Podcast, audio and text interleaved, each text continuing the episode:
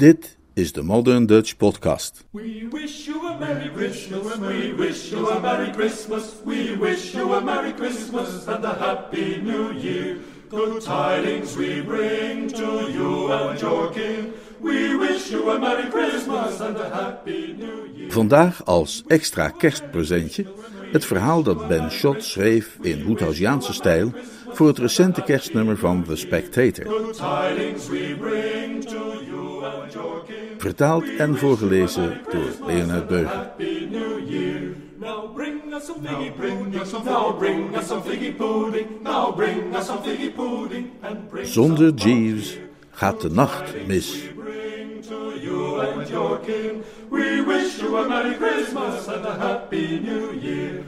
Kerstavond in Mayfair, Jeeves.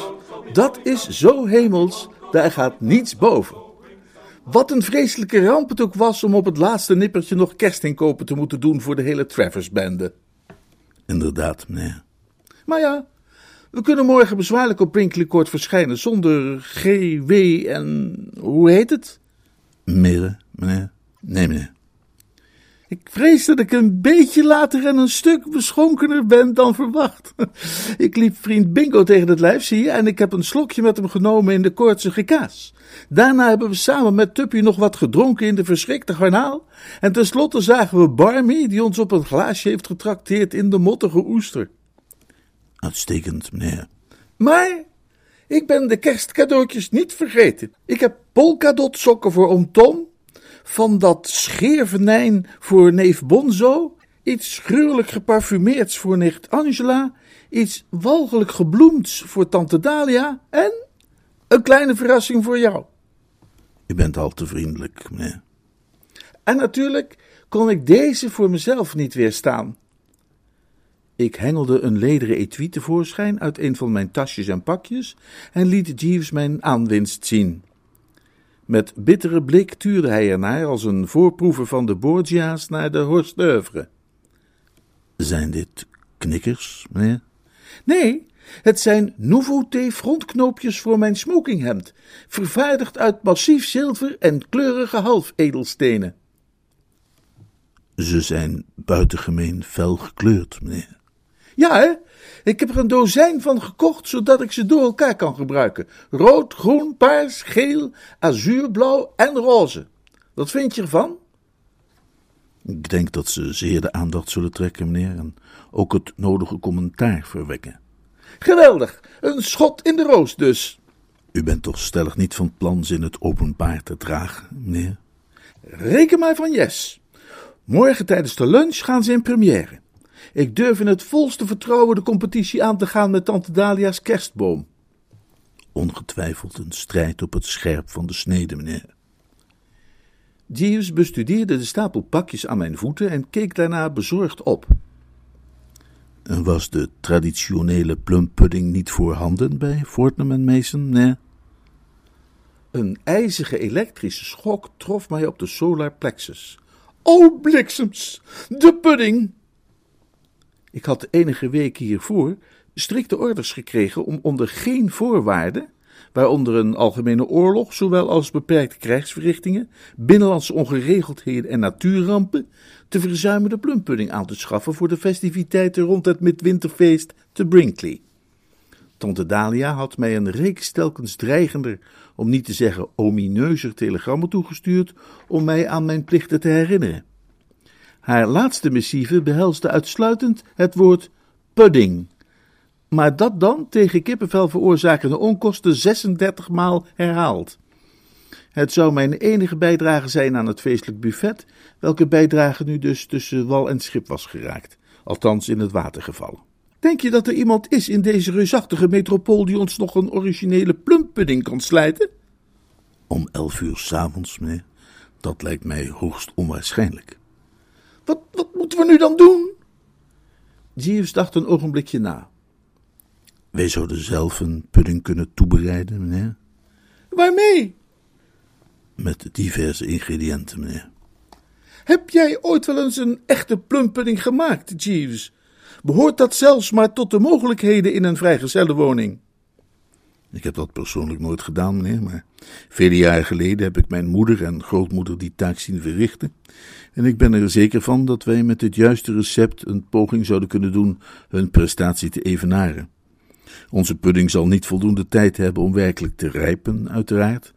Meerdere maanden in een donkere kast wordt als een vereiste gezien voor een bevredigende fermentering, maar ik verwacht dat een visuele gelijkenis kan worden geëffectueerd door toevoeging van een forse schep zwarte koffie, terwijl qua smaak een ampele hoeveelheid brandewijn veel goed zal kunnen doen ter verhulling van eventuele noodgedwongen omissies in de receptuur.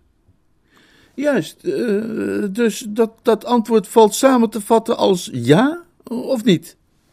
Zeker, meneer.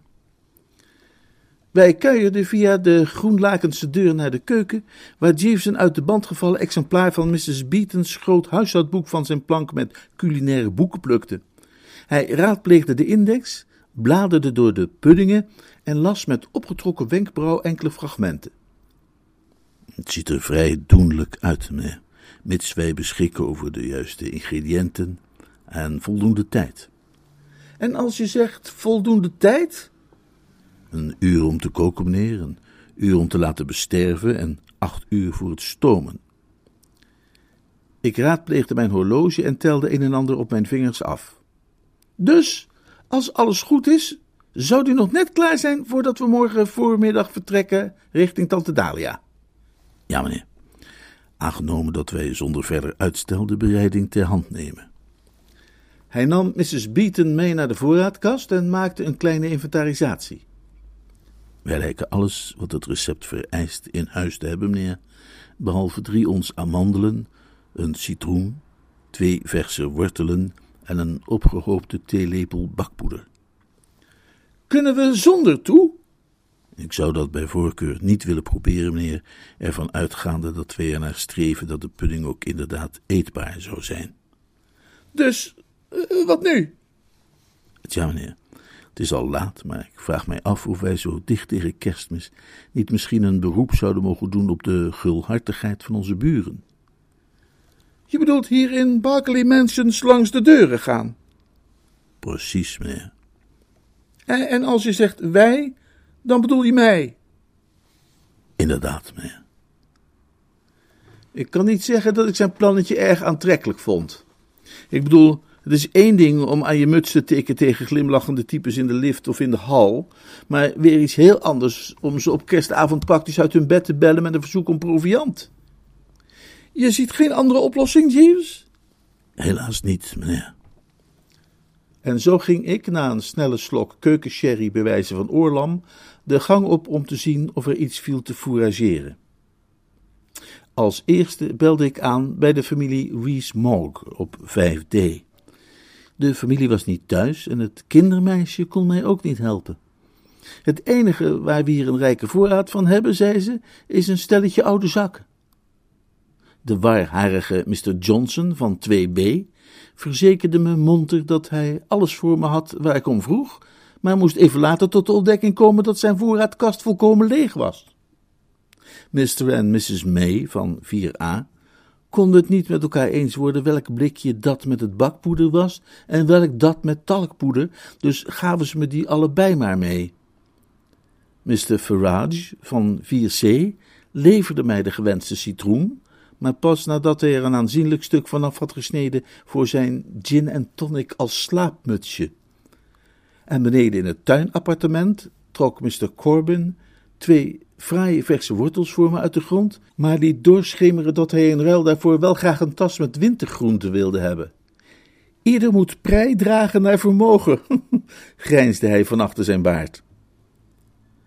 Na mijn vernederende bedelronde door het gebouw keerde ik terug naar 3a, waar mijn bediende kalmpjes de bloem stond te zeven. Het is gelukt, Jeeves. We hebben alles wat we nodig hebben. Uitstekend, meneer. Dan zal ik het mengsel toebereiden. Ja, en is er niet een of andere speciale bezwering of een, een wijgezang dat we moeten vocaliseren? Ik meen me zoiets te herinneren uit de lessen Bijbelkennis die we kregen op school. Ja, meneer.